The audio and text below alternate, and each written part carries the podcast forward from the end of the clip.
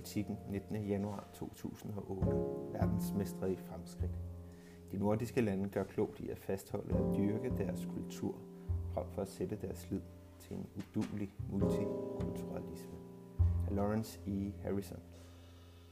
Fakta. Lawrence E. Harrison er leder af Cultural Change Institute ved Fletcher School of Law and Diplomacy på Tufts University, Medford, Massachusetts.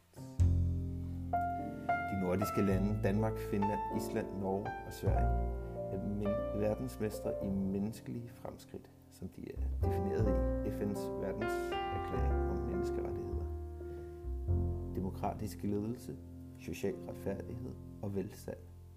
Og ved at studere de faktorer, der bidrager til disse fem landes imponerende succes, kan udlede nogle overbevisende lektioner for mindre succesfulde nationer. De nordiske landes bedrifter er forbløffende.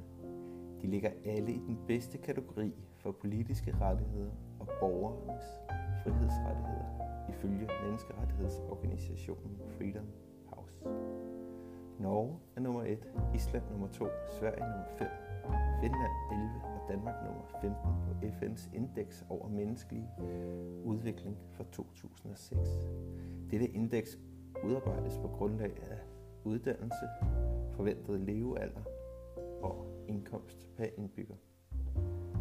Danmark har den mest ligelige indkomstfordeling i verden ifølge FN-data fra 2006. Sverige, Norge og Finland ligger lige i hælene på Danmark. Danmark, Sverige og Norge kommer ind på første, anden og tredje pladsen i verden, når det handler om tillid. Det kan konstateres, når man ser på, hvor stor en procentdel, der svarer ja på World Values Survey spørgsmålet. Kan man have tillid til de fleste personer? Finland, Island og New Zealand ligger på en delt førsteplads som de mindst korrupte lande i 2006, ifølge korruptionsindekset fra Transparency International. De bliver tæt fuldt af Danmark, Singapore, Sverige, Schweiz og Norge. Det amerikanske institut for amerikansk øh, økonomisk forskning udsendte i 1998 en rapport om god statsledelse. I rapporten kom Norge på tredjepladsen, New Zealand var nummer 1, Schweiz nummer 2, Island nummer 6, Finland 8 og Sverige nummer 9. World Economic Forum har 2007 udsendt en liste over de mest konkurrencedygtige lande. Danmark ligger på tredjepladsen efter USA og Schweiz. Sverige nummer 4 og Finland nummer 6. Ved en opstilling af lande efter videnskabelige artikler per milliard dollars bruttonationalprodukt blev Sverige nummer 2, Finland 4, Danmark 5 og Island 11. Israel indtog førstepladsen. Databasen Happiness in Nations udsendte for nylig en liste over, hvor folk er mest lykkelige. Den viser, at Danmark er det lykkeligste land i verden, og Island og Finland, Sverige og Norge ligger også højt på, øh, på listen. Hvad er forklaringen på de nordiske landes enestående bedrifter? Det kan vel ikke være den geografiske placering og råstofferne. Øh, råstofforekomster. Det er kun øh, Norge med sin olie- og gasreserver i Nordsøen, der kan anses for at være rigt på råstoffer. Store råstofforekomster er i øvrigt hverken en garanti for succes, hvilket Venezuela og Nigeria er bevis for, eller nødvendigvis for succes, hvilket Japan og Israel har vist. Eller nødvendig for succes, hvilket Japan og Israel har vist. Hovedsæderne i øh, Finland, Øh, Island, Norge og Sverige ligger tæt på den øh, 60. breddegrad, som også krydser sydspidsen af Grønland og det sydlige Alaska. København ligger på stort set samme breddegrad som Moskva. De bliver godt nok alle fem påvirket af Golfstrømmen, og deres klima er derfor noget mildere end i andre dele af verden på samme breddegrad. Men hvis man kigger på andre befolkninger på disse breddegrader, eksempelvis i Rusland, bliver det tydeligt, at klimaet i sig selv ikke forklarer fænomenet. Bortset fra Island ligger alle de nordiske lande tæt på de store vesteuropæiske lande.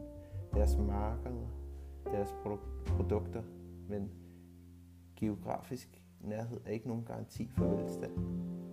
demokrati og social retfærdighed, hvilket Mexico illustrerer. Men når nu råstoffer og geografi ikke kan forklare de nordiske landes enestående succes, hvad kan så? Alle fem lande har relativt lave befolkningstal, fra Sveriges 9 millioner til Islands 300.000. Og de er relativt homogene i udseende, sprog, traditioner, vaner, skikke, sædvaner, det vi kalder kultur. Blandt relativt succesrige små homogene samfund finder vi Hongkong, Israel, Barbados, Costa Rica. Og så er der de store succesrige homogene lande som Tyskland og Japan.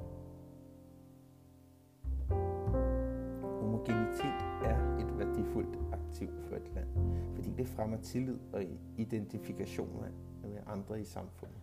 Når man kan identificere sig med andre, er det lettere og mere naturligt at udvikle interesse for andres trivsel i samfundet.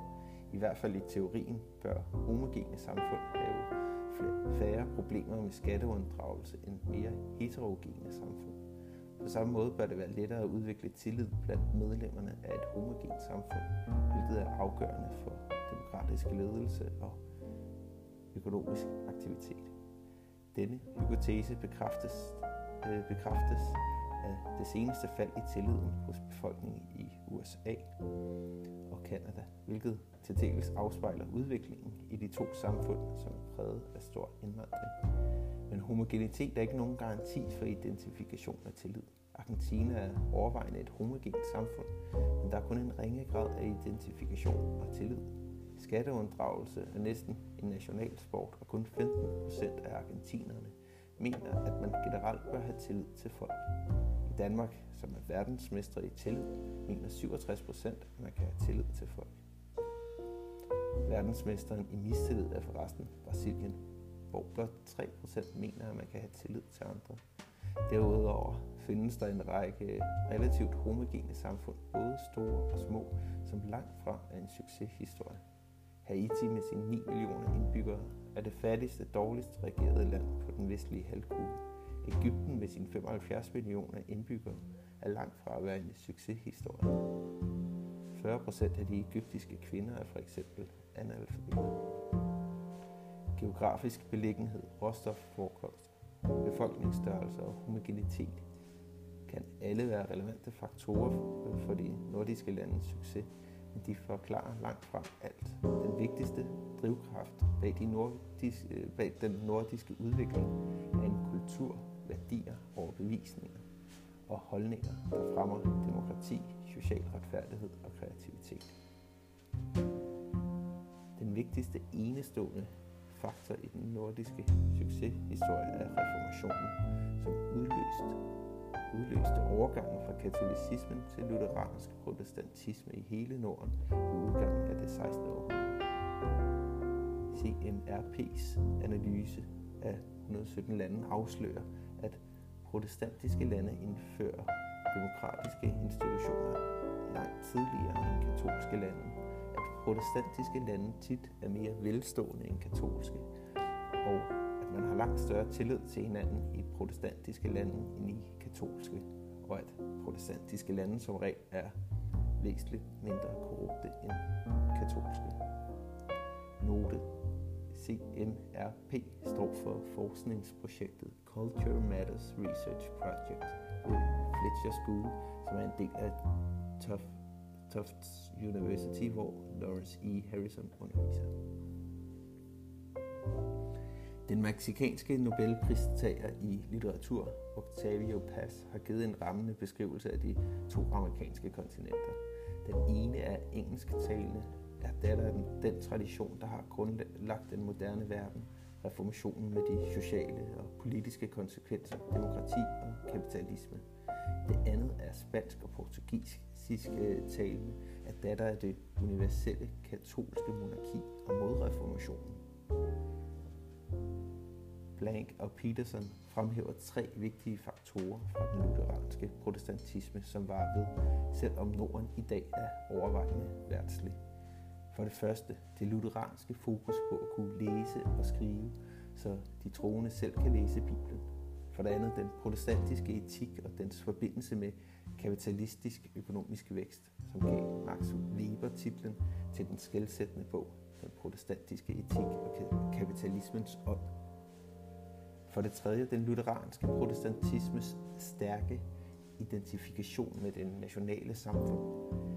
Gennem den sande citat, gennem den sande lutheranske, lutheransk ortodoxe tro og gennem lydighed mod det teokratiske monarki blev det svenske folk bundet sammen i et samfund, som forenede rides undersøtter i en sjæl, citat slut, som Niels Ekkedal skriver i sin bog, det svenske Israel. Nyt og retorik i Hagwin Spiegels prædikon. prædikonkunst. I et sådan samfund er den gyldne regel om at behandle andre, som man selv vil behandles, ikke blot et utopisk ønske, men en praktisk levemåde, som danner grundlag for social retfærdighed. Der skal dannes en kritisk masse af folk med denne indstilling, som i fællesskab kan fremme progressive kulturelle forandringer, for eksempel ved at ændre børneopdragelsesmetoder og religiøs praksis, samt gennem uddannelsesreformer. Det sidste kapitel i The Central Liberal Truth indeholder detaljerede retningslinjer for kulturel forandring. Multikulturalisme bygger på et svagt grundlag, nemlig kulturel relativisme, som er forestillingen om, at ingen kultur er bedre eller værre end andre, blot anderledes men multikulturalismen har en overvældende mængde beviser mod sig, hvilket jeg håber, denne kronik gør klart. Omkostningerne ved multikulturalismen i form af splid, klassesammenstød og dalende tillid vil sandsynligvis være enorme i det lange løb. Ikke alle kulturer er lige, når det handler om at skabe fremskridt, og der er ingen, der kan konkurrere med den nordiske kultur på det område. Hvad angår indvandrere, bør de nordiske lande og alle øvrige veludviklede demokratier fremme deres integration i den nationale kultur, i stedet for at vælge en mytisk, utopisk multikulturalisme. Og de bør sørge for, at de nordiske dyder, der har bragt dem så langt, ikke syner hen på grund af efterladenhed og forsømmelse. Oversættelse af Mette Skodborg.